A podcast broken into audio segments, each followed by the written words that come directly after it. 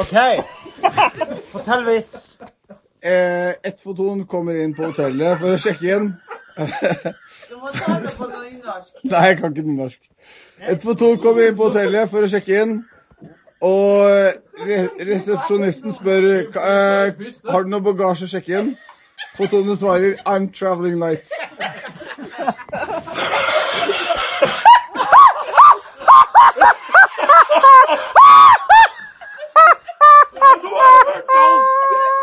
Du skal høre mye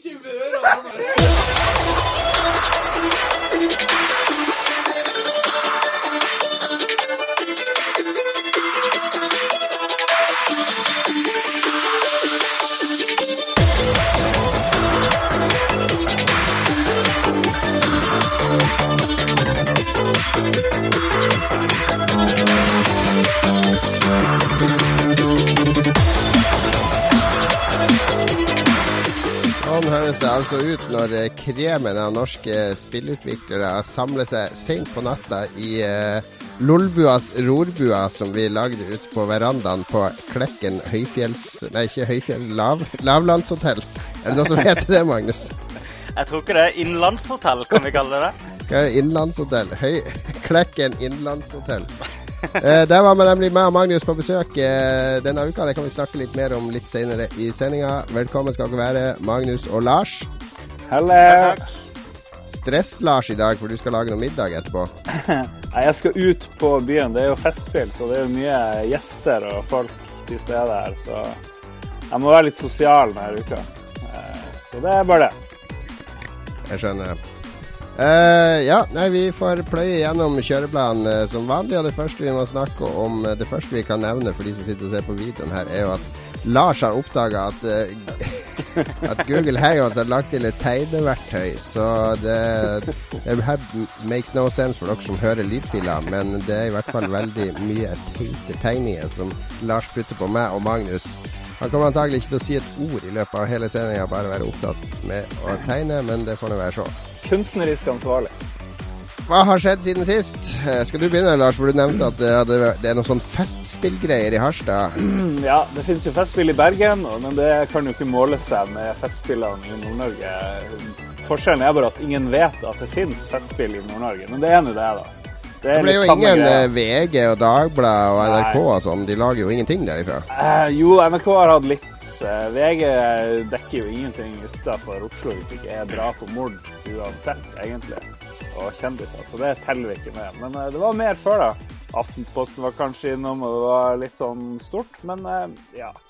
Uansett, det er mye sang og dans og kunst og fancy greier og videoinstallasjoner med kjønnsdeler i bevegelse. og sånn Jeg, så- jeg så på NRK at de der Ja. eh, høye mannene var henta tilbake igjen som sånn gammel publikumsfavoritt. Og det er noen sånne der, eh, folk i sånne drakter med sånne høye, sure, gretne gubber som lener seg ned på ting hele tida. Ja, de er kule. De går rundt på torget, og eh, barna syns det er morsomt. De gjør det. Alle Eh. festspillminnene mine er jo nesten fra jeg var barn, for jeg var mye på Barnas festspill da jeg var liten. Og så Knutsen og Ludvigsen og mye klassisk på mm. Harstad kino. Du har sett Knutsen og Ludvigsen live? Ja, på 70-tallet på scenen. Jeg var bare fem-seks år. Da var de på eh, Harstad kino på scenen. Hørte at de skal ha reunion, de der Knutsen og Ludvigsen. Jeg så det jo live på Øyafestivalen òg, rett før han døde, han ene. Så Lorentzen. Jeg har sett det flere ganger. Heter heter ikke Lorentzen, han òg? Ja, han heter Lorentzen, han. Ja, Faktisk. det. Var det noe eh, familie? Ja, ikke som jeg vet om. Ikke som meg og Arve. Ja, men det er litt kule ting av og til. Jeg så Laurie Anderson for noen år siden. Hun er jo huge in eh, fancy musikksmakfolket, f.eks. Så det er noen høydere av og til. Men i dag så Laurie, det er jo sånn pornofilmnavn. Jeg håper jeg sa rett. Nei. Du tenker på Hva skal du tenker på? Eh, Det bare hørtes ut som sånn standard porn actor-navn. Nei, hun har sånn spoken word-greier og ja, veldig kul. American Experimental Performance Artist. Det liker vi. Nei, men jeg savner Festspillene litt. Det er lenge siden jeg har vært der. Eh, Har du, er det noe lignende Festspillaktig i, dra, i, i eh, Kristiansand, Magnus? Det var jo kvarten før da som samla ungdom fra hele landet. Men hva, hva skjer i Kristiansand egentlig om sommeren? Er det bare å vente på makrellen? Uh, vi venter selvfølgelig på makrellen ganske mye av tida. Men uh, det er faktisk kommet noe i kjølvannet av en, uh, et litt sånn her voksende kulturliv i Kristiansand siste tiåret. Så Jaha. har det kommet en del kule Den leder an av kule, Demokratene og Vidar Kleppe. Leder an av Vidar Kleppe, selvfølgelig. Det er primus motor i alle kultursammenhenger. Det kommer noe som heter Ravnebarn, som er en eh, barnefestival à la eh, Miniøya. Ja, eh, ok. som er oppe i Ravnedalen, som er veldig kul. Og så er det eh, to sånne store ting som skjer ute på Odderøya, samme som eh, eh, der Kvarten var i gamle dager. Der Ja, ja. det kommer en del gedigne eh, band og musikere. Og ja. Så skjer det Og så er det den der strandfestivalen òg. Den der eh, Palmesus. Mm. Så det, det skjer faktisk en god del sånn for ungdom igjen i byen. Det er trivelig. Jeg skal ikke på noe av det, tenkte jeg. nei, nei, nei, men du har vært eh, Du er nede i eh, Kristiansand nå og jobber, jobber, jobber. Jobbe, jobbe, jobbe. Nå kommer jeg akkurat tilbake igjen fra Oslo. da. Nå hadde jeg én fridag i går. Mm. Men bortsett fra det så er det ingen, ingen ferie for de gale. Så det blir eh, jobbing nå. Du dro akkurat august, i tide, ja. for i dag har det vært sånn fem timer med pøsregn og lyn og torden og Ja, jeg kjørte gjennom det med, kjørte gjennom det med bussen. Det var, Ja, det var deilig å forlate. Jeg fikk bilder fra Jabba. Det så ut som det var vinter der nede. Jeg skjønte ingenting. Ja, det kom en sånn ekstremhaglskur som, som bare dekte alt i noen minutter. Men uh, jeg sitter jo bare inne ved kontoret mitt, så jeg har det varmt og godt, det. Jeg har forresten en, jeg bare en liten uh, Festspillfortelling. Jeg har ikke fått med meg noe særlig i det hele tatt av Festspill. Det er så helt sykt. Vi må jo bare nevne at Magnus har sånn selvfokuserende kamera. Så når du driver og beveger på deg, så skifter vinkel, og det zoomer inn og ut. Det er fantastisk. Folk må se videoene hvis dere har sjansen. Se, men det, følger etter Så hvis jeg begynner med det der Jeg tror ikke det er et selvfokuserende kamera. Jeg tror det er faren til Magnus som står med et sånn der eh, videokamera og styrer Så stolt av deg, sønn. Bare si hei, Preben. Si hei. Hallo, hallo. Ok, men nu, Ja. Vi må ikke drive og, eh, og eh, alienate alle de som bare hører på lydfiler. Hver gang vi driver og snakker om alt som vi ser, og hvor gøy det er, Ja. så bare Da beklager. de. Jeg beklager, jeg skal bare fullføre min festspillfortelling. For den har ikke noe med festspillene å gjøre. Men jeg fikk besøk blant annet av vår venn Rune Forberg, Runefyren, som han kalles. Eh, Runekaren. Som ikke har, Runekaren, som vi ikke har hatt som gjest. Jo, han var på NM i Gameplay. Han driver jo og lager spill eh, nede i Oslo der. Og de prøvde å vise oss noen greier på skjermen fra mobilen, og man kunne ikke se det i det hele tatt. Men eh, han og gjengen må vi ha som gjest. Uansett, han og dama var med ut på byen, og først så vi en liten konsert. Det var ikke så mye å si om det.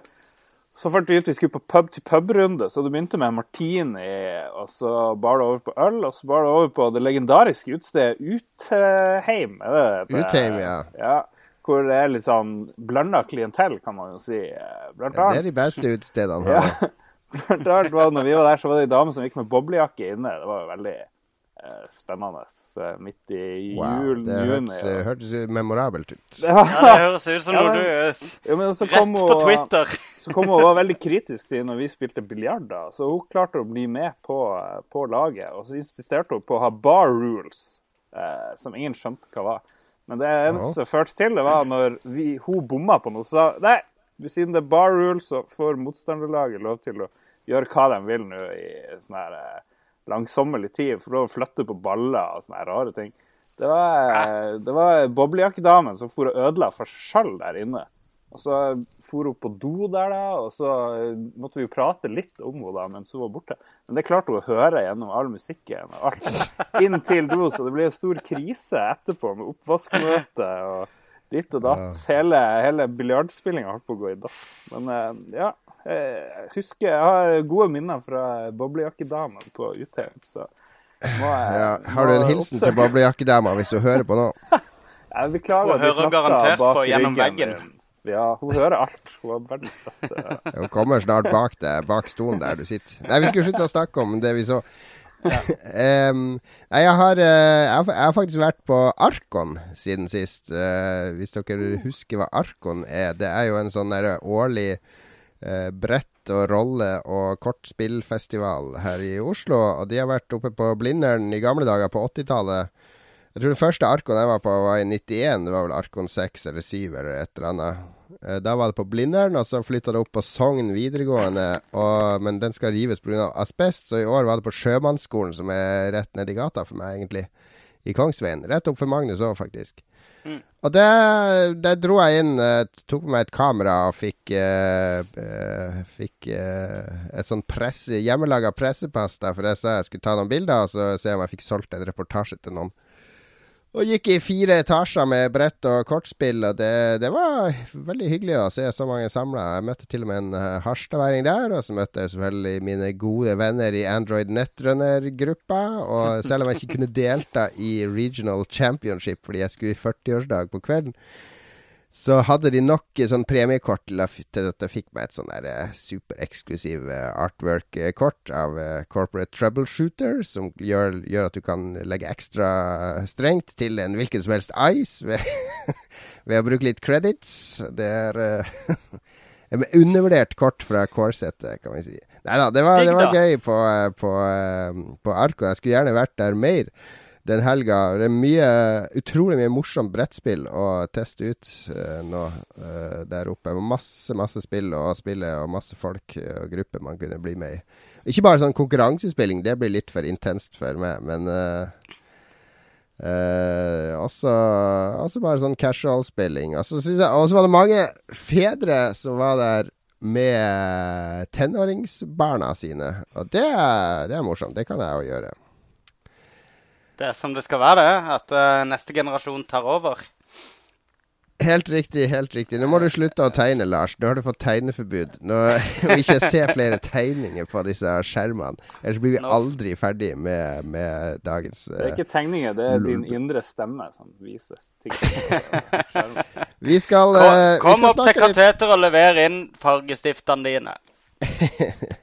Vi skal snakke litt om, eh, om hovedtemaet denne uken, som sikkert mange lurer på hva egentlig betyr. For de har jo sagt at det skulle handle om eh, Klekken. Jeg vet ikke om du hadde hørt om Klekken før denne uka, Lars? Jeg trodde det var noen som fra Asia som prøvde å si 'cracken'. Release the klekken!»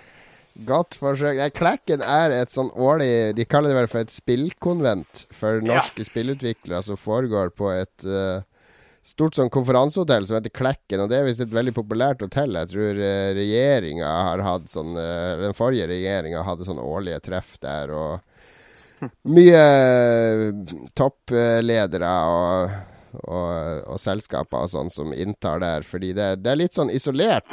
Det er ikke, du kan ikke akkurat gå ut fra hotellet og gå på byen eller noen sånne ting. Det, Det er jo veldig bra, blir, da. Du blir på hotellet, og da Nå er meg og Magnus Vi har vært der to ganger nå, av tre ganger.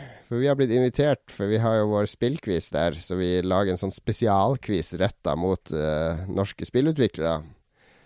Uh, og der var det for øvrig Rock Pocket som vant i år, så gratulerer til de. De hadde nesten alt rett. Rock Pocketeers. Rock Pocketeers. Uh, men vi blir invitert dit, og da får vi også overnatta. Og det, det, det er en veldig morsom fest på den kvelden. da Det er liksom Det er morsommere enn alle E3-fester jeg har vært på, fordi det er mange folk der som er De er så glad for å møtes, og så har de så mye å dele, og så tar de gjerne eh, noen øl, og så holder de på veldig lenge, da. Så de har veldig mye utholdenhet. De er ikke sånne der, eh, slitne sånn spilljournalistfester der alle ah, nei, 'Vi må jo jobbe, skal hjem og jobbe, jobbe, jobbe'. Og, ja, de skal ta én brus, og de skal kjøre bil, og de skal ditten og datten. Her er alle fanga ute på det hotellet, da, så det er jo ikke noe annet å gjøre enn å drikke seg inn i sommernatta.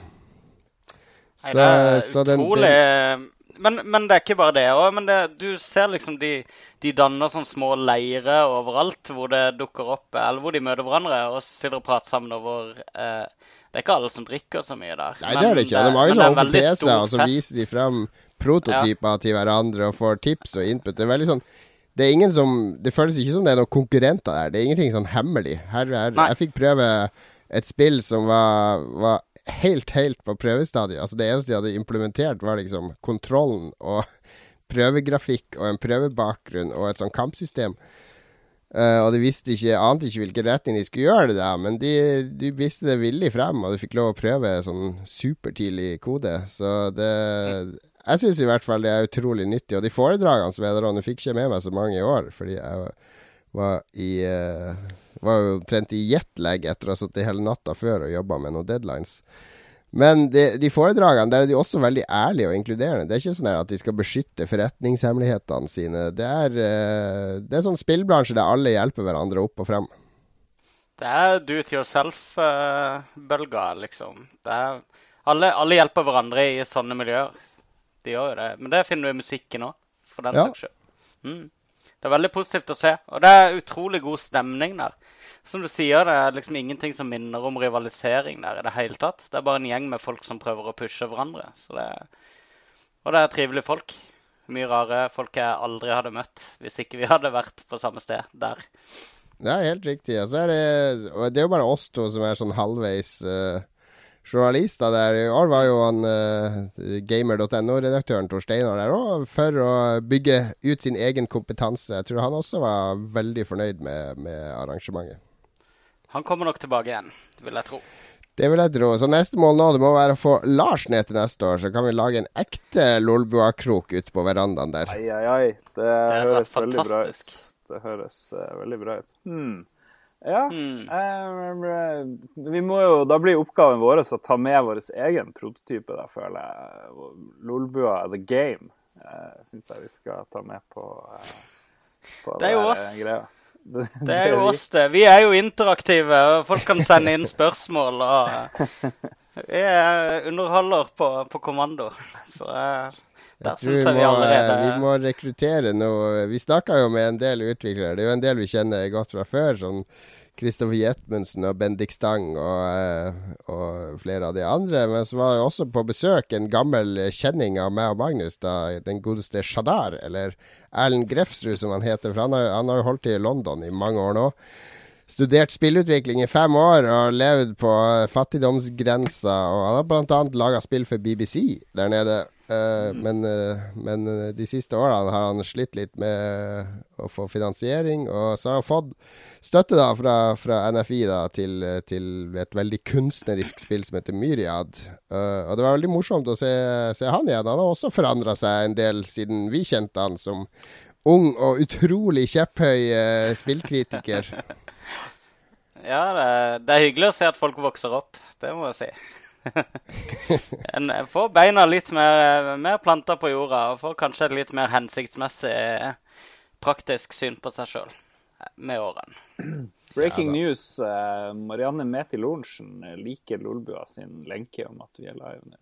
Hvem er det? Ja, det er min mor. eh, Ikke bruk hele navnet til mora mi på sendinga, er du snill. Det er veldig koselig. Jeg jo, skal jeg få eh, masse spam. Det er ille nok at Magnus driver og ligger med henne i Tomodachi Life, om vi ikke skal begynne å røpe hennes fulle navn og sånn.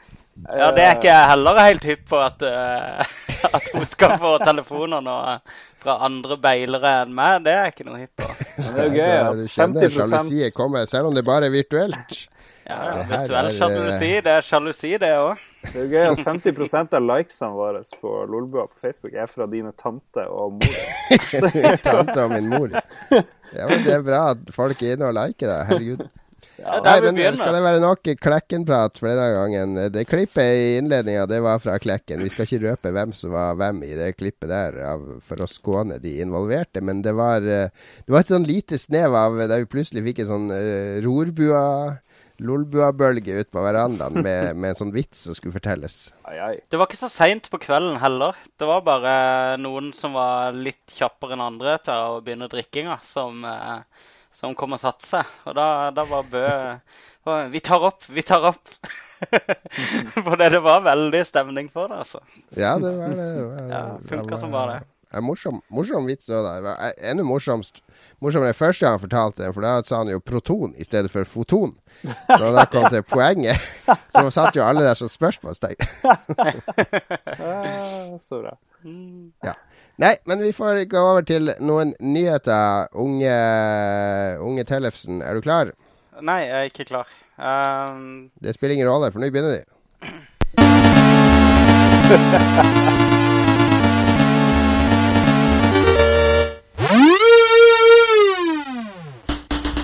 Crytek kansellerer Rise 2 pga. pengeproblemer. Fanboys som undertegnede, sønn av Arve Tellefsen, eller Telfsen som noen skriver det, Har ikke nok kjøpekraft og lyst på DLC til at Crytek har nok penger til å lage Rise 2-oppfølgeren til det eksklusive Xbox One-spillet. Mer seriøst, ho-ho. Om vi skal driste oss til å være det, er det tilsynelatende uenigheter mellom Microsoft og Crytek om rettighetsspørsmål, som også bidrar til at spillet nå ser ut til å være dødt. Var det noen som fikk med seg noe mening fra det jeg leste høyt nå? Det er den dårligste skrevne nye. Det er Lars som har sittet der og tegna og tegna i stedet for å skrive nyheter. Du har tegna med høyre hånd, så har du brukt den til musa til å tegne i ansiktet mitt. mens du har Det var skrevet jo- Men, men det var jo er essensen i nyheten her, der, eh, Lars? uh, Har jeg, eller har jeg misforstått? Er det at Ja, det har Crytek 2 var planlagt, men nå blir det Ja. ikke noe av? Ja, ja. Uh, Det har vært flere versjoner av den nyheten. Det første var at Crytek har store pengeproblemer, og at Xbox-hardcoren, eh, sånn som eh, Magnus Tellefsen, ikke har kjøpt nok Crytek, nei, jeg mener Rise, eh, til at de skal gidde å lage ny. Men i dag så kom også nyheten om at det også skal være uenighet mellom Microsoft og Crytek om hvem som skal ha rettighetene eller eie IP-en til dette greiene. Hvis Microsoft ville punge ut for å lage et nytt et, så skulle de liksom eie det spillet. For nå er det tydeligvis de her Crytek som har det. Men eh, om det er bare en sånn avledningsmanøver, for de driver og sier opp folk i villa, Crytek, og det er jo helt greit for meg. Hva er det de er kjent for egentlig? Eh, De har det her eh, er første. Far Cry og, Ja. og Crisis, var det ikke det? Ja, det er ikke noe mer Crisis. Det skal vi vel klare å leve med. Nei, altså, Crytek har alltid vært veldig flinke til å lage teknologidemoer, Ja. men de, har, de spillene har blitt så kjedelige, syns jeg. Men har de ikke lagd eh, engines som har blitt brukt uh, Jo, ja, CryEngine har mange brukt, Ja, men akkurat? Rise syns jeg faktisk var Det var sikkert fordi Jeg jeg, trodde det skulle være skikkelig kjipt, men jeg syns det er nesten Jeg foretrekker det foran God of War, f.eks. Ja, Jeg syns er enig. syns det er mye morsommere. Den, det er faktisk en kulere historie da, enn det har vært i God of War-spillene siden Ja. eneren. Ja, og så syns jeg det kampsystemet med alle de counters og sånne ting er ganske dynamisk og morsomt. Eh, Mm. God of War er bare mashe, mashe, mashe i vei på de kraftige angrepene, og, og det er litt, litt taktikk der òg, men jeg syns syns ja. Rise har blitt sånn u, urettferdig, litt, litt sånn middelmådig. Ikke sånn Ikke verdt å kjøpe, kjøpe noe annet. Ja, problemet tror jeg var at folk så den traileren på, uh, på uh, annonseringa av Xbox. Og da så de bare button mashing. Og da er det gjerne Holdninga Ja. en når en kommer inn i det, er gjerne det en ender opp med også. Men runda noen av eh, dere spillet, da? Jeg er på noe sånn 80% eller noe på det. Ja, du du, jeg og tror jeg- du spilte online. Jeg, jeg går faktisk og tenker på den der storyen inniblant, og det har overraska meg veldig. For jeg var Oi. sikker på det var noe jeg bare skulle glemme umiddelbart. Ja, nei, jeg spilte vel en time, og så ble jeg litt lei, må jeg si. De, de drev jo og lyste opp de her karakterene. Skulle du trykke på den fargen de lyste opp i? Og det virka som det kalles det samme tutorial. Ja, det, ja, men det var jo det Han satte samme seg hele fast i tida. tutorialen og kom ikke videre, så da, da var det, Men da det var ferdig med. Ja, det, det det er riktig at de, de bruker farvekoder hele tida til å fortelle hva slags type angrep du eh, eh, ligger an til å motta, og hva du kan gjøre med folk og sånn. og eh, Det var litt ekkelt i begynnelsen, før du lærte liksom å skille Eller før du bare absorberer det uten å, å, å eh, fokusere seg veldig mye på det. Men jeg er enig i at det var litt distraherende i begynnelsen med de, de her farvekodene i, rundt omkring i spillverden. Ja, det så pent Men nå blir det ikke noe oppfølger, i hvert fall. Nei, vi Nei, det- eh, sier vi avliver dem. Ja. Men det er vel ingen som vi gråter vel ikke for tungt av den grunn, Nei. Magnus. Det var, det var den første nyheten jeg fant på Eurogamer. Så da ble det Det er bra. Vi har én nyhet til. Minecraft selger best på konsoll. Denne uka kom nyheten om at Minecraft nå har solgt 54 millioner eksemplarer. Det er vanvittig mye. Merkelig nok selger serien best på konsoll. PC Master Race er døende. Confirmed. Ja, det, det jeg, husker ikke de tallene. Er det ikke sånn at det har bare solgt fem-seks millioner eller noe sånt på PC? Mobilversjonen har solgt mer enn PC-versjonen eller et eller annet? Jeg har den helt sikkert. Uh, nyheten var i hvert fall at konsollversjonen var den som solgte mest. Og det har jo ikke kommet på Vita, det har ikke kommet på Xbox One, og det har ikke kommet på PS4. Så de har jo, eh, kan fremdeles cashe inn og sinnssykt med penger, de her eh, svenskene. Ja, de har Men, skutt De har ikke bare skutt gullfuglen, de har skutt en hel sånn her Du vet når alle trekkfuglene er på himmelen samtidig. Jeg har truffet alle de samme, samtidig, og alle de var gullfugler. Traff Så det, nei, men det er jo Det er mange som spiller det på konsoll, og det selger mye eh, Du får de der salgslistene, de nordiske salgslistene sender de ut eh, hver uke, og der ligger Minecraft konsekvent på topp tre på PS3 og, og Xbox 360 og sånne ting. Eh, og det er jo basert på at folk kjøper sånn kort i butikken for å veksle inn i Minecraft på nett. Det er solgt eh, 15 millioner på PC av spillet. Såpass mye. Ja. Ja, og og så og 54 det millioner til sammen. Så det er 54 til sammen, ja. ja. heftig. Heftig, heftig. Ja, Det solgte nesten 5 millioner bare, i, bare på launch når det kom på Xbox Live, husker jeg. Og eh, nye konsollversjoner kommer vel i august, kan det se ut som. Er det noen som Ja, Ja, altså, så, Eh, men det så jeg jo på E3. Jeg tok jo bilder av det på. Sony-stand. De hadde Ja. jo, tror jeg, seks PS4 via til å spille Minecraft på. Eh, og, det, er det, galskap. og det sto masse folk og spilte Minecraft på de PS4-ene på messegulvet òg. og det er jo det er jo ingen forskjell på den versjonen og PS3-versjonen. Altså, Men dere drev og prata om at uh, det var liksom det der tomme stedet der det aldri sto noen. ikke på Jeg Minecraft. sa ikke det. Var ikke det Minecraft? Hva var det som var den der konstant tomme boden på E3 da, som dere var borte og så på? Jeg trodde dere diskuterte det nå forrige gang. Der vi var Never pusta mind. Da skal jeg ikke avbryte mer. Det, Men så, ja, men har du troa på det, Jon Cato? Det er jo det samme spillet som skal selges på nytt nå til PS4-eiere. Jeg tror på at så lenge det ikke pøser ut med nye, kule spill som folk må kjøpe, så sitter noen og kjeder seg en helg, og så har de runda Infamous og Drive Club og Assassin's Creed, og det nærmer seg jul, og det er ikke noen nye spill som kommer før til neste år, så tenker jeg jeg får kjøpe Minecraft og bygge litt, da, fordi det har jeg gjort før, og det, jeg kan lage noe nytt. Jeg kan gjøre et nytt spill ut av det, jeg kan gjøre en ny greie i det, så, det koster bare 10 euro eller whatever, så da kjøper de Minecraft en gang til.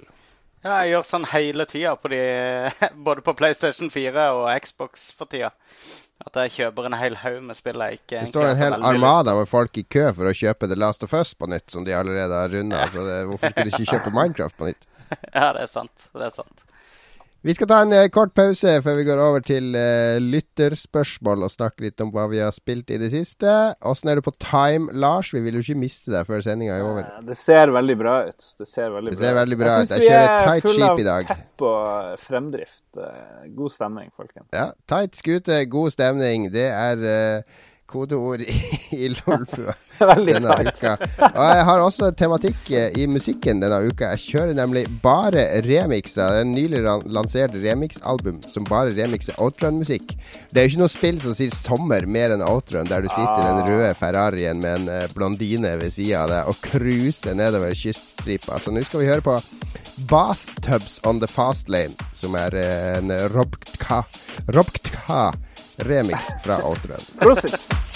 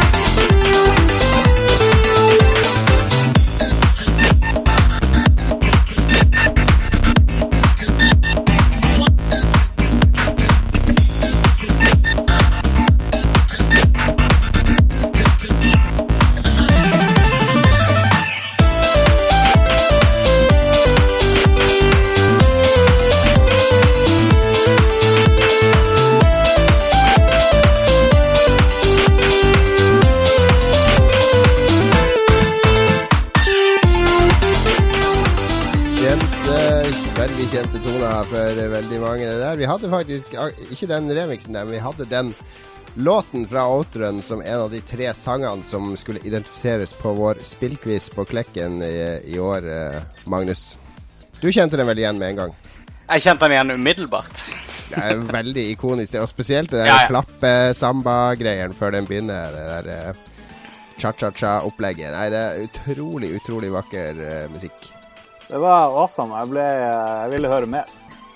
Ja, vi skal, eh, skal legge ut link til den EP-en. Det er en EP med seks låter på. Koster, får den for fem euro på en eller annen bandcamp eller hvor det var jeg kjøpte den. Jeg kjøper sånne hele tida. Dette er en av de veldig behagelige bilmusikk. Jeg har den med i bilen nå.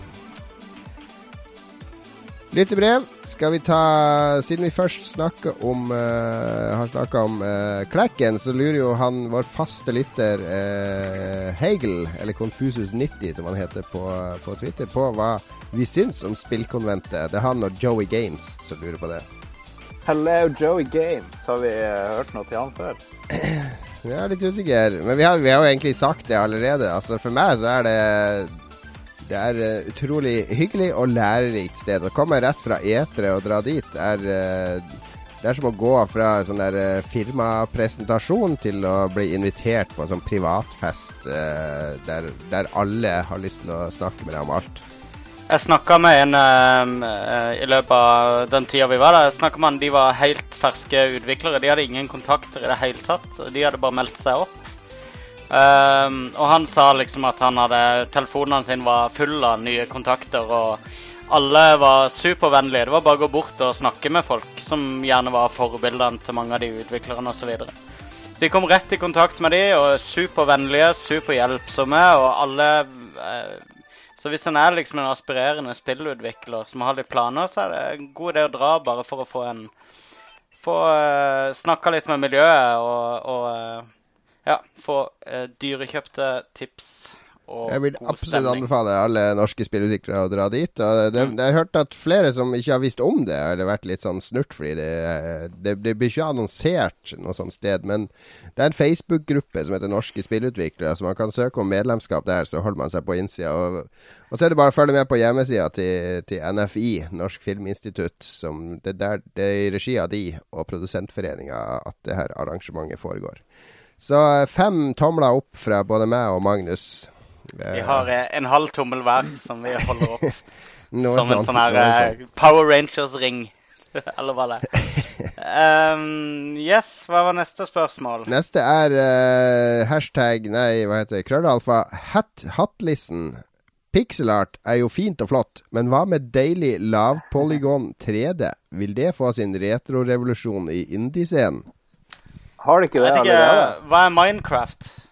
Jeg tenkte også på Minecraft, men veldig mange andre spill òg er jo litt Ja. sånn low budget. Uh, Ja, du har jo det der. Frakt OSC som vi Ja. om litt tidligere. Ja. Det der musikkgenerator 3D Exploration-spillet. Det er jo utrolig old school 3D-polygon-grafikk. Hm.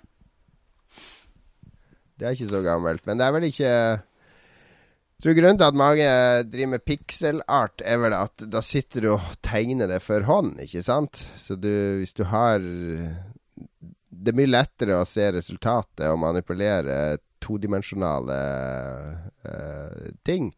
Med en gang du går over til 3D Det husker jeg veldig godt fra 90-tallet, når alle skulle begynne å lage 3D-spill. Når PlayStation kom og Super Nintendo begynte å dø ut, og, og 3D var det som alle skulle lage. Hvor utrolig mye mer ressurskrevende det var.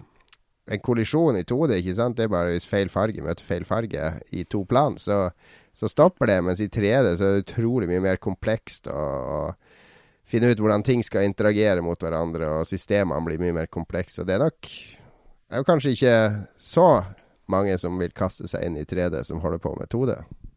Nei, men eh, spørsmålet er vel også om, eh, om folk har det samme nostalgiske forholdet til Eller kommer til å ha det samme nostalgiske forholdet til sånn hakkete 3D som vi har til Polygon eh, 2D. Men pro det er, vi har jo remakes av sånne Final Fantasy-spill på iPad og greier, hvor de kjører er rimelig enkle Ja, polygoner, men med altfor høy oppløsning. Så det er et eller annet som ikke rimer der. Så hvis du får lav nok oppløsning, så er polygoner helt greit. Men når det blir sånn smooth as fuck, pluss veldig enkelt, så ser det bare ugly ut. Det syns Det jeg- gjør det. Men, men sånn som, altså det med pixelart, grunnen til at jeg tror det lever veldig ennå, er at uh, det handler liksom om kunsten å kunne formidle noe veldig komplekst med veldig enkle virkemidler, da. Ikke sant? Og, og det fungerer på det nivået der. Uh, men, men når du gjør det samme i Ja. Bare Nei, når du gjør det samme i 3D, så Eh, det krever mye mer arbeid for at det i det hele tatt skal se OK ut. da. Men, bli, men med pixelart kan det bli direkte vakkert. da. Ja, fordi eh. pixelart blir ikke eh, gammelt, sånn sett. Det, ja, det går ikke ut på dato. fordi hvis du ser på Yoshi's Island på Super Nintendo, som kom i 95-96 det ser jo fortsatt kjempevakkert ut. Det har en uh, artistisk stil, det har utrolig flotte animasjoner. Mm. Selv om det er Se på- pikselert, så ser det veldig flott og vakkert ut. Det er tidløst. Monkey Island 2.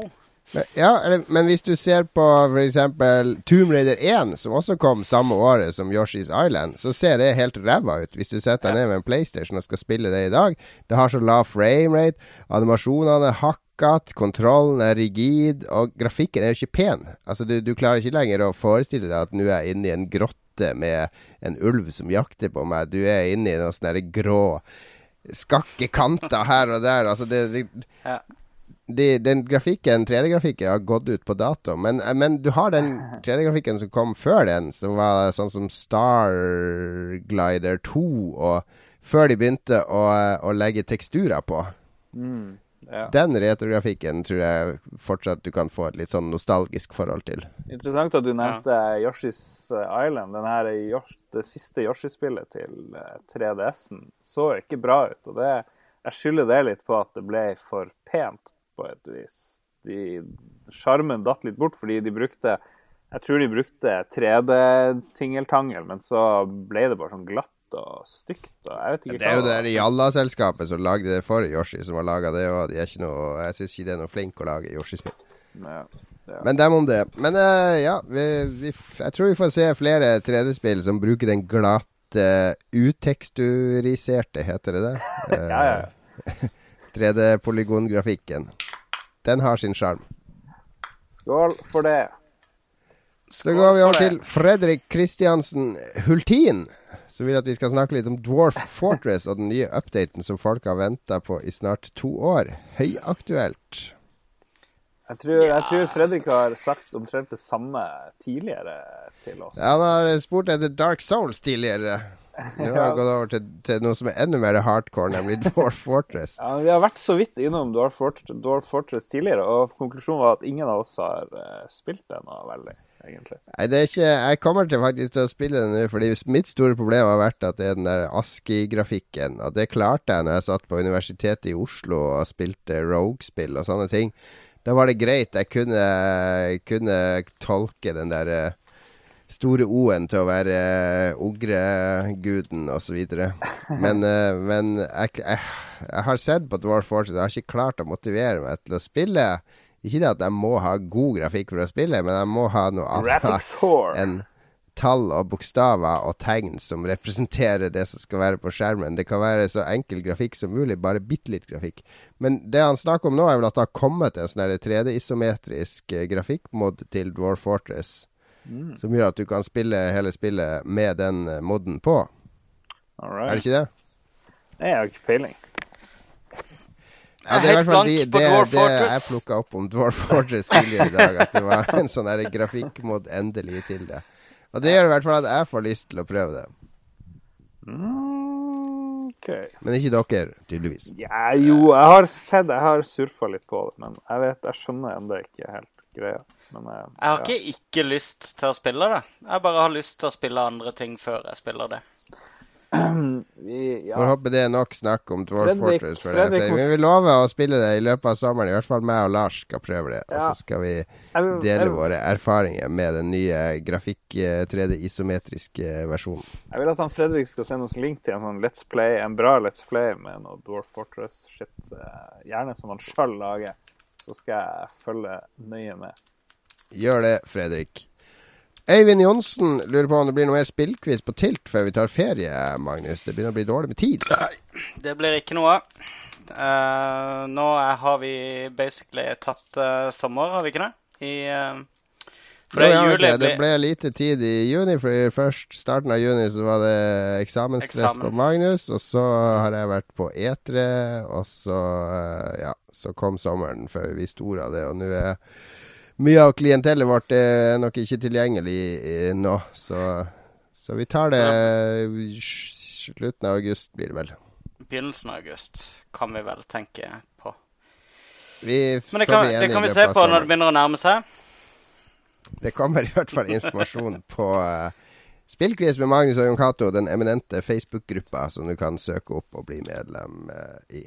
Og så har vi en gammel venn av oss, eh, Magnus, han Tom Wilhelm, som Oi. eh, lurer på Han vil gjerne høre litt mer fra Eter om fylleshopping av ti kilo vinyl. og litt prat om Murdered hadde også vært kult hvis vi har spilt Murdered Soul Suspects. Uh, det er et spill jeg gleder meg veldig til. Og så Har du ikke fått det? Jeg har det liggende her. Ja, um, tingen var at um, jeg oppfatta det, det kom et sånn herre en sånn storm av slakt mot det på, eh, på lanseringsdato. Som var helt ekstrem ekstrem. Du, Den tegninga der går meg nesten litt på nervene eh, Lars.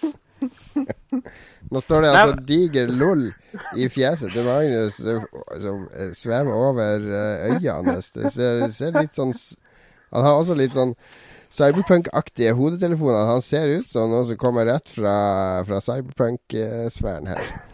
Det gjør jeg. Eh, men Det var en eh, Og så feil. driver er det en feil og her. zoomer inn og zoomer inn, så vi skulle tro vi drev og forhørte han i sånn Blade Runner-sannhetsmaskin. ja, det er det som er greia. There's, Um, a, there's a Hva heter en skilpadde? Tortoise lying on the road. Yeah. Men i hvert fall- Men Magnus Murdered, hvorfor har du ikke spilt det ennå? Um, uh, en av Det de ble jo ma massivt slakta. Jeg har, jeg har bare spilt det bitte Ja. litt. Og det, jeg synes det var Det var ingenting som motiverte meg til å fortsette, så det er det som har vært mitt problem med spillet. Jeg hadde lest en del om det på forhånd og sett uh, det som var sånn info-trailere og sånn i forkant. Og gleda meg egentlig ganske mye til det. Til å være spøkelse og løse uh, mordmysterier, trodde jeg det var. Men eh, en av de kule nye featuresene i eh, nettbutikkene nå på de nye konsollene, er jo at du kan gå rett inn og se Twitch eh, Let's Play. Du bare hopper rett inn og ser noen andre spille det litt før du kjøper det i storen. Og det gjorde jeg med det spillet der, og de folka De var lettere frustrert mens de spilte. Det var mye roping og banning og satte seg fast i grafikk og fikk ikke til å gjøre de tingene. Selv om de visste hva de skulle gjøre, så fikk de ikke til å faktisk gjennomføre det osv. Så, videre, og så, videre. så det, det virka bare superfrustrerende. Så jeg lasta ned et annet spill i stedet. Rett og slett. Men uh, jeg er hypp på å låne det. Teste det. Det er jeg. Ja, du kan få Absolutt. låne det. det. Det er en avtale. Bare kom deg til Oslo. Deal. Yes, eh, har vi mer? Vi har han Kluten, som lurer på om vi har kjøpt noen spill. The Kluten heter han. Som lurer på om vi har kjøpt noen spill på Steam Summer Sale. Åh, ingen! Ingen har jeg kjøpt, faktisk. Jeg var inne på eh, Åh, Lars, kan ikke du delta litt? jeg, har, jeg har faktisk ikke eh, kjøpt noen ting, selv om jeg har fulgt med på salget sånn ganske bra hele veien. Eh, så det Ja, jeg følger med jeg òg, men det, det, det, jeg har det beste av det som er kult der, det har jeg liksom kjøpt fra før. Og jeg gidder ikke kjøpe sånn som Far Cry og ting som jeg har eh, Ja, det har jeg fra før, det òg, men, men eh, sånn ting som jeg allerede har runda på konsoll og sånn, det gidder jeg ikke kjøpe på nytt på PC, bare fordi Nei, det er på sånn på det Steam. Det må jo være et poeng i å kjøpe det der. Men eh, det eneste jeg har kjøpt i hele perioden, har vel vært Spin Tires, og det var aldri på salg, så det, det teller vel ikke, egentlig. Det gjør ikke det. Jeg har ikke gidda å sjekke hva som er på salg engang, fordi jeg har ikke spilt de forrige ti spillene jeg kjøpte på salg. Så det får så være. Og så spiller jeg Jeg har òg begynt å se på han der Reynard, eller Reynad, eller hva han heter, som spiller Har du det? Reynard? Hearthstone. Ja, ja, ja. Ja. Fulgt litt med på Dreamhack-turneringa. Den så du vel på, sikkert, tipper jeg. ja, vi snakka om den sist. Ja. Hva er det her med RDA Steam Summer Sale å gjøre?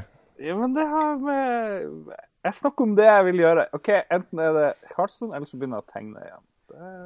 Helt opp Snakk nå om hardstanden din. Da blir det Neida. ikke lov å snakke om Det er ikke lov å nevne det var- Heartstone etterpå når vi skal snakke om hva vi har spilt i det Ja, siste. nei, jeg skulle bare forklare hvorfor jeg ikke gidder å kjøpe noen nye spill. Fordi Ja. jeg må spille nye ting, og ja, jeg trenger ikke kjøpe masse gamle ting. Dessuten så har jeg jo bare Mac for tida, og da, da jeg, Det finnes mye spill til Mac òg på Steam, men jeg føler at jeg har nok uansett. Så ja. Hadde jeg hatt PC, hadde jeg vært som PC Master Race-dude, så bare vet jeg at jeg hadde woohoo! kjøpt inn 10 000 spill. Er ikke det Jeg, ja. jeg så på Twitter så skrev det at før så piratkopierte vi en masse spill som vi spilte i hjel, mens i dag så kjøper vi en masse spill på Steam-sale som vi ikke gidder å spille.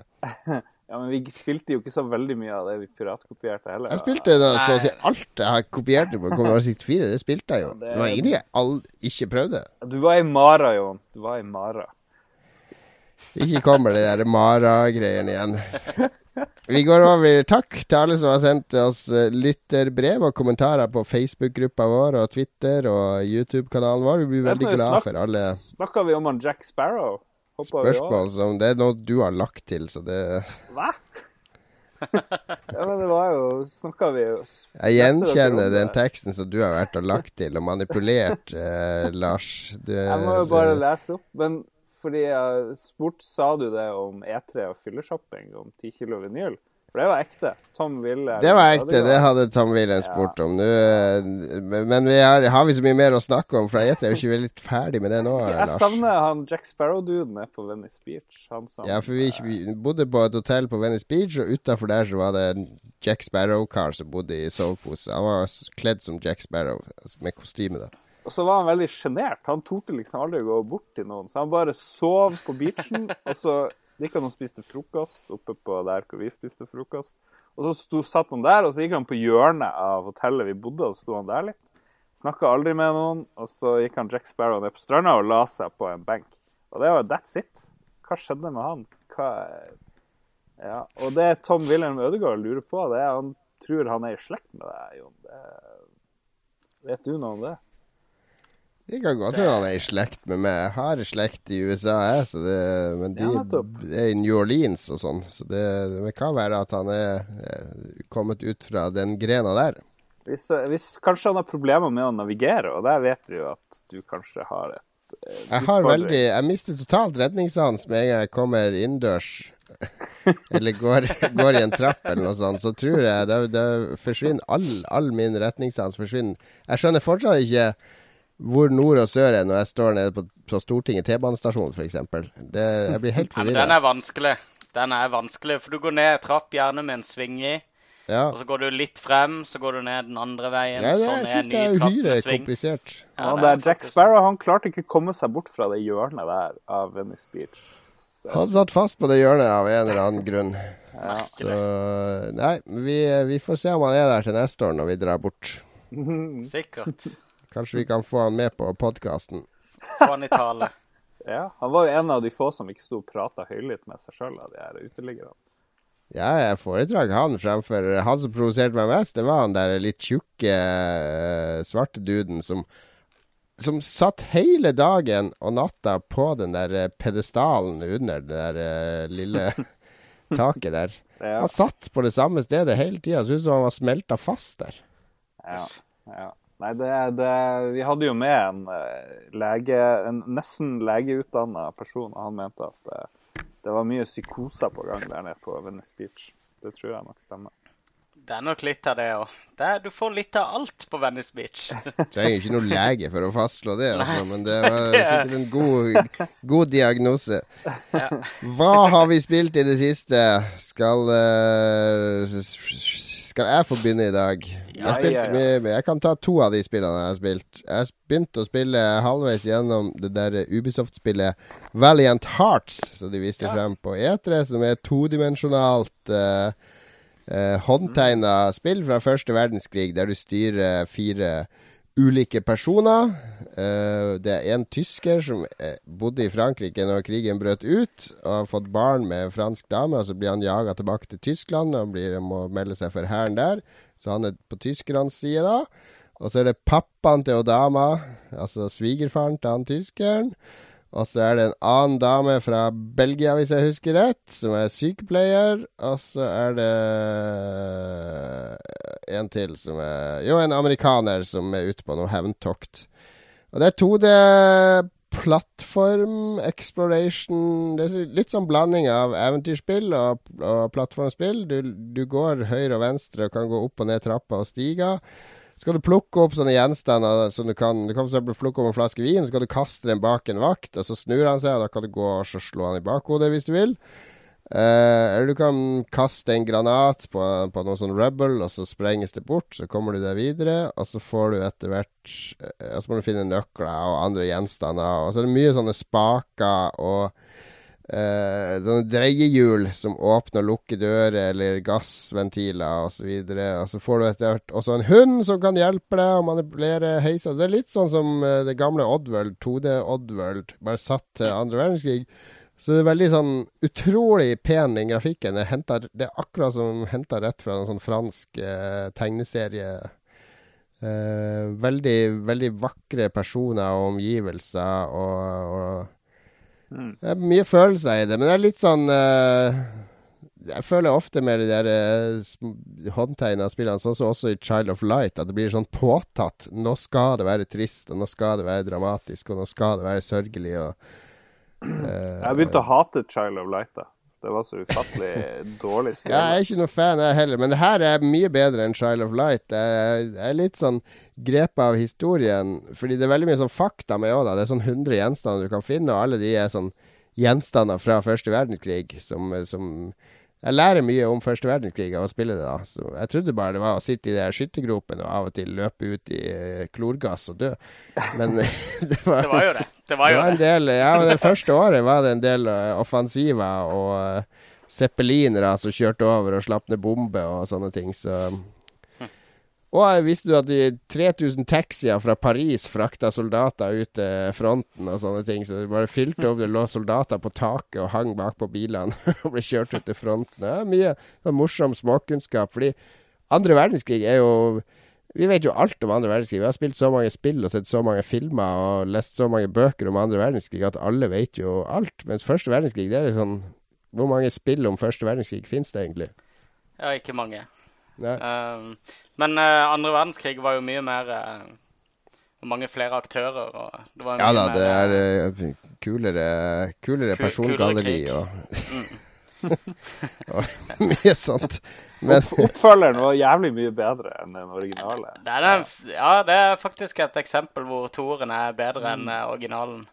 Um, ja, for det andre verdenskrig var jo helt fantastisk. Men jeg er helt enig. Um, uh, jeg har savna også uh, uh, spill. Alle typer spill, egentlig, fra første verdenskrig.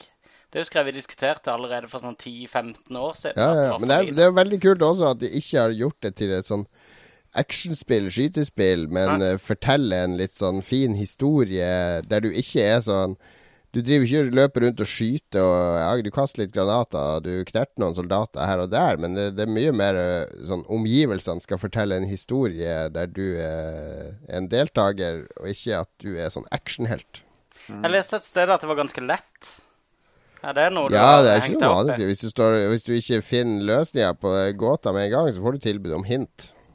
Ja, riktig. Så det er ikke, det er ikke sånn type utfordring. Men eh, det er artig. Nå, det, er, det er artige sånne grublegåter. Jeg koser meg masse med det. Er det PC og konsoll, eller er det bare PC, PC? PS4, X-Bone Expo, Ja. men jeg har eh, Ubisoft blitt sånn eh, indie-studio nå? De bare har hoppa på Ja, det? de liksom. lar Det her er vel Ubisoft Montpellier som har fått lov å lage det her. De, jeg, jeg, har- jeg har litt sans for Ubisoft, der, for de lager de store megatitlene, og så lar de noen av inntektene fra det gå til sånn som Child of Light og det her, og, ja, og støtte litt sånne ting. Så Det er franskmenn, vet du. De skal ha um, Franskmenn de skal ha det kulturelle alibiet også med det de driver med. Det er positivt. Ja, det er akkurat som fransk film, det, vet du. Men siden vi er på amerikansk. fransk, men siden vi er på det franske, husker dere det Infogrames? Det var jo Ja, ja. fransk. Har det noe med Ubisoft å gjøre? Fordi jeg vil ha de De har f.eks. gitt ut eh, Nord og Sør på iPad, har jeg sett, men det stinker drit. Kan ikke, kan ikke Ubisoft ta ansvar og kjøpe Infogrames ble jo, um, Infogrames ble jo Atari. Ble det Atari? Oh my god. Ja, de Ja. kjøpte, De kjøpte. Atari-navnet, og så rebranda de seg til Atari. Ja. Og da var, da var Infogrames på det aller, aller Så det er masse kule Infogrames infogames du har gått glipp av. Du kan spille Driver 3 og ja. The Matrix og Nei, men Future Wars og Nord og Sør og alle de her rare franske spillene fra back in the days. Det er noen må der. husker du det? Eller Delphine? Eller Delfine Software, ja. De hadde jo Ja, det der. De Det var savner jeg litt, merker jeg. Ja, det var konge. Kongestudio. Franskmennene Mm. lagde en del bra spill, i motsetning til eh, jeg vet ikke, tyskerne. Hva var det de lagde, liksom? De lagde Settlers. Det var liksom stort sett det. da. Det er strategispill, da. Ja, mye strategigreier, og det Gothic. ja. Det Den franske spillindustrien ble jo omtrent uh, utradert når Canada begynte med de skatteinsentivene sine. For da flytta jo alle fra Frankrike opp til Canada. Men det var Ah. lenge før det, da. Det var liksom, det var begynnelsen av 90-tallet, var det ikke det som var det heydaysene i i Frankrike? Ja, ja, ja, men da var de fortsatt i Frankrike. Montreal, they speak the same language. Let's go there. Ja, ja, men, men eh, den Montreal-satsinga har jo vært helt vill. Den trakk jo spillbransjen ut av en hel haug med land. Jeg husker Hele vestkysten i USA ble jo helt sånn her utradert. De mista jo alle studioene sine i California og Los Angeles en periode fordi alle flytta til Montreal. Fordi skattefordelene er helt eh, vanvittige. Smart, smart å gjøre. Så nå har de et svært sånn cluster av spillselskaper som hjelper hverandre ut, og alle blir flinkere. Win, win, win, win, win. Eh, men eh, franske utviklere eh, Hadde ikke du vært på noen franske spill her, eh, Lars? Hvis jeg så ikke så helt feil her. Oui, oui. Jeg spilte An- Another World. Another World. Another World, og det har jeg òg prøvd på eh, iPad før, og det suger jo drit. Alle sånne spill som trenger knapper, er drit på iPad. Men på Ja. PS4 og helt sikkert Xbox One, og det kommer til Ja. Wii U og 3DS, tror jeg òg kanskje det dukker opp til. Det er jo galskap. Men det var konge. Det er kjempebra. Du, du trykker bare på én knapp, og akkurat som med Monkey Island-remixen, remaken, så får du gamle grafikken. Du kan til og med få Amiga slash eh, eh, Sega Game Gear-aktig eh, musikk. Og det er strålende. Det forklarer ingenting. Det er liksom, du har jo tre ulike måter å skyte på. Vanlig laser, og du kan lage skjold med laseren din, og du kan skyte tunge kuler. Men det forklares aldri i spillet i det hele tatt. Så jeg drev og lurte litt på hvordan jeg skulle komme videre før jeg huska alt det der. Men Eh, og den gamle grafikken ser veldig bra ut, fordi sånn som vi snakka om før, den har ingen teksturer.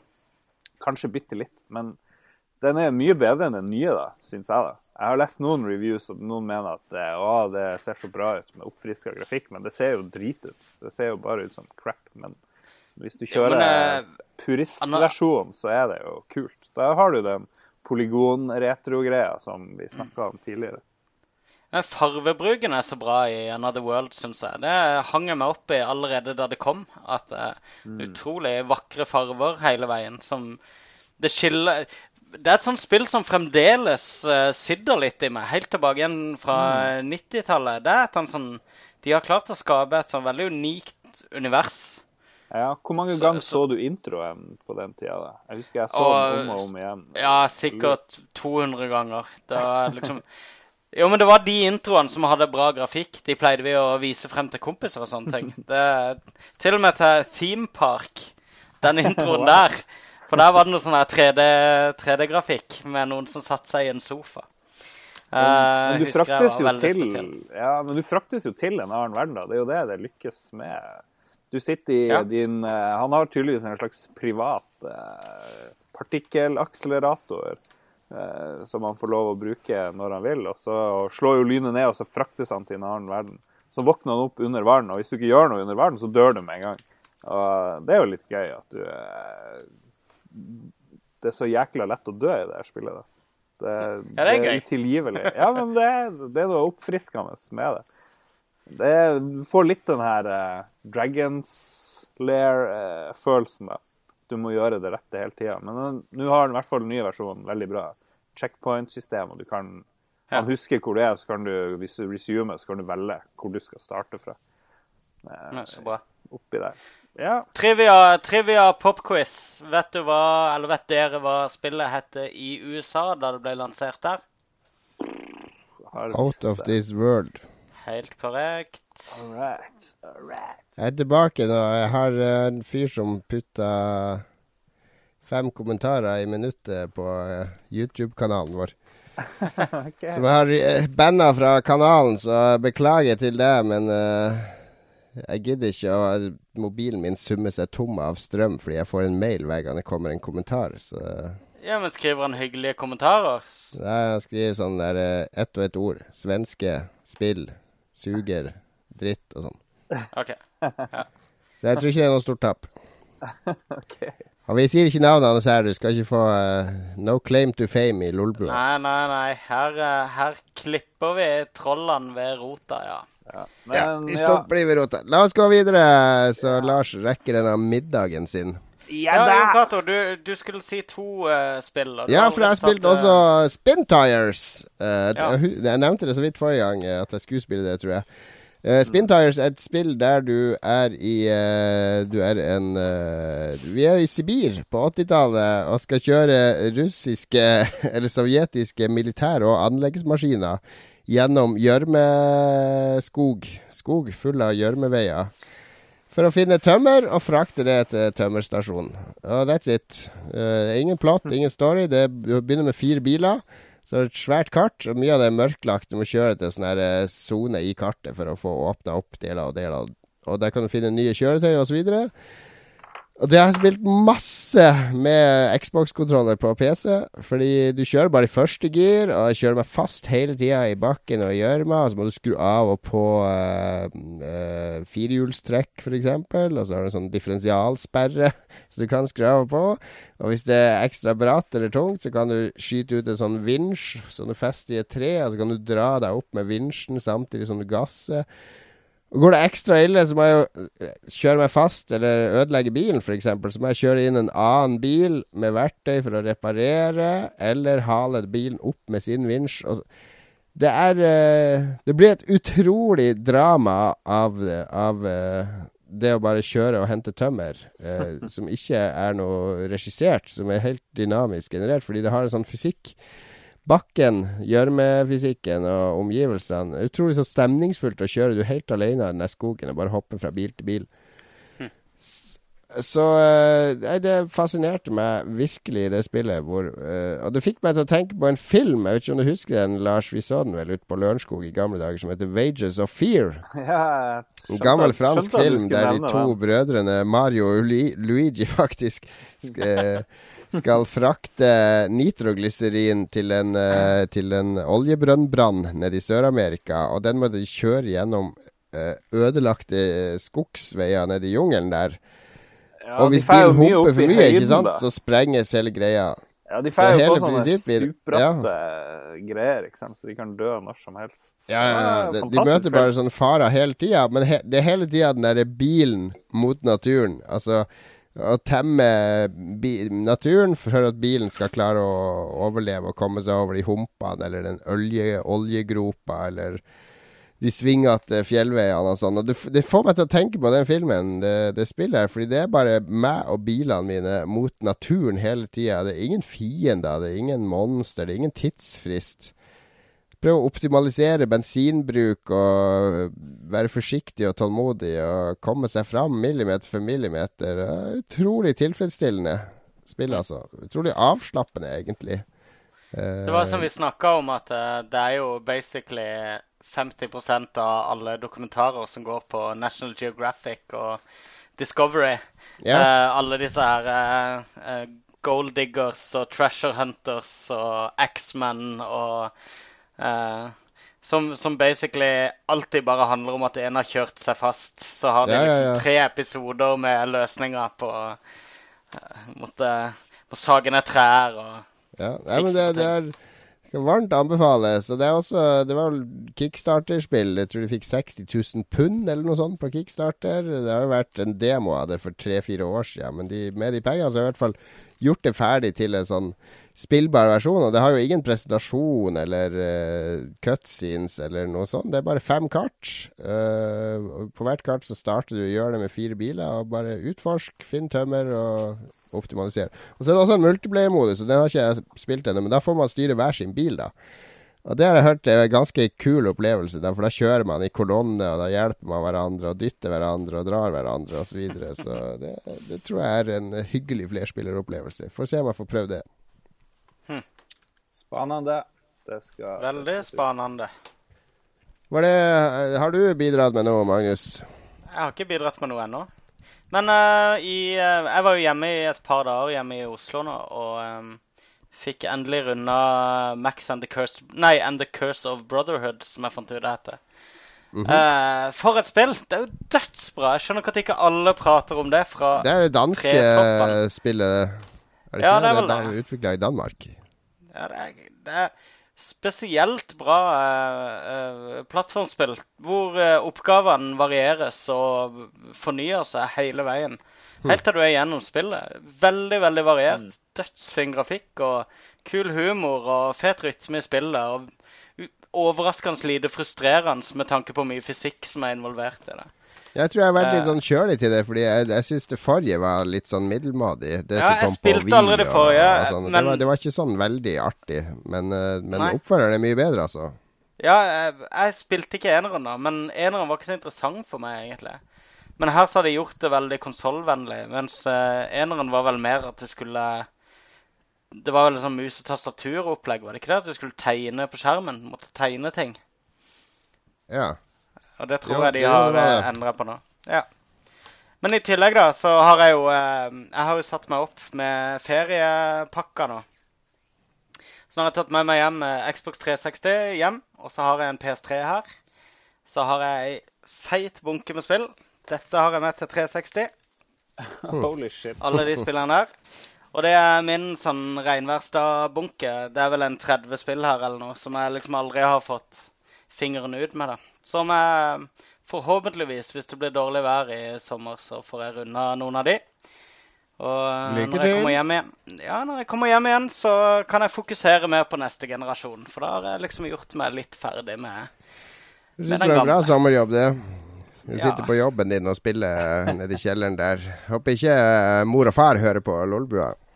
Nei, men jeg tror det er veldig tvilsomt at jeg slipper unna med å sitte og spille i arbeidstida også. Nå, Det er ikke sånn vel, som nå din jobb, Jon Cato.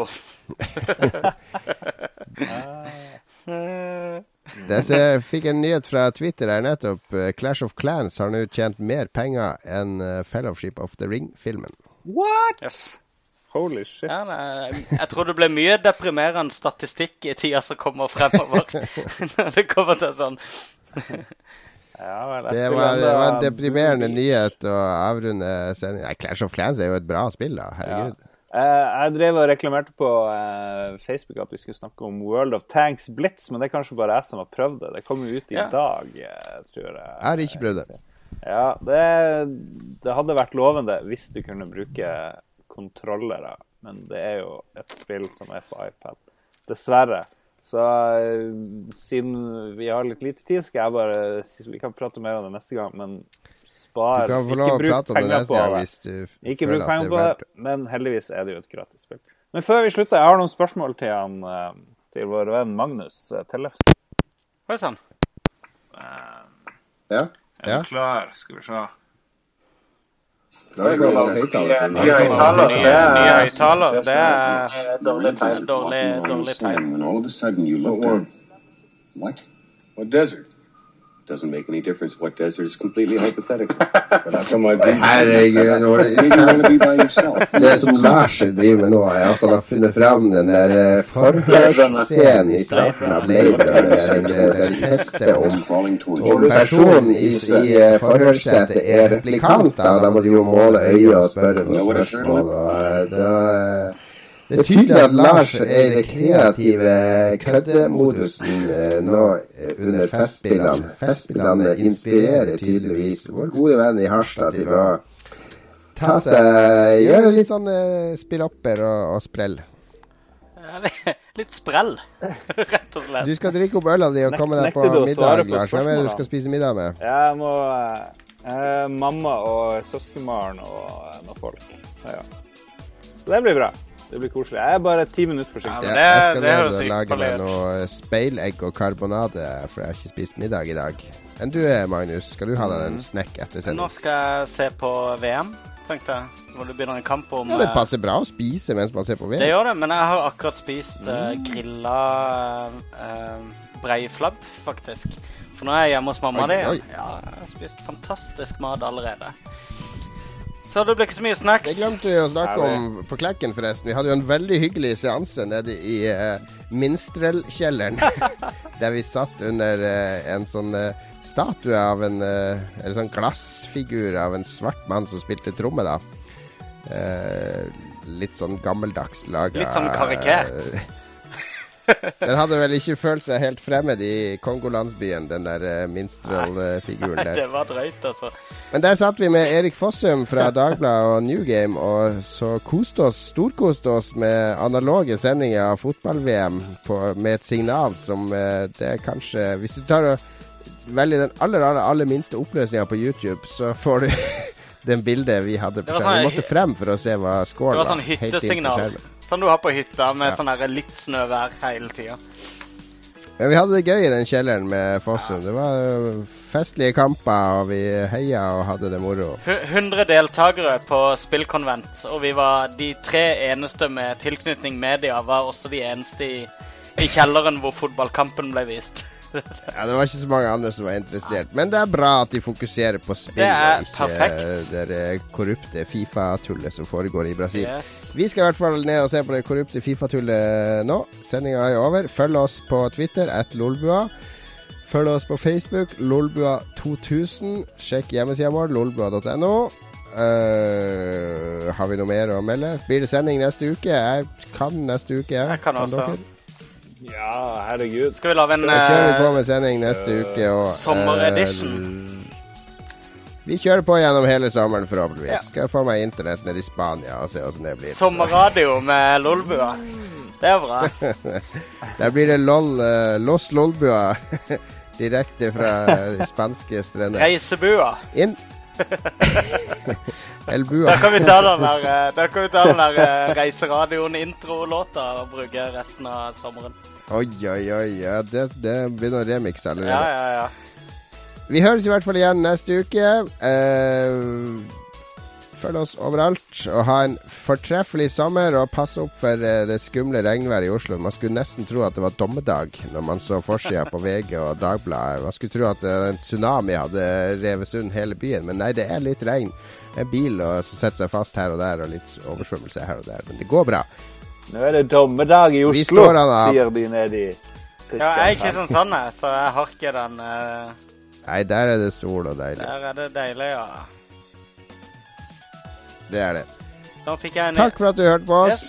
Ha det bra. Ha dem!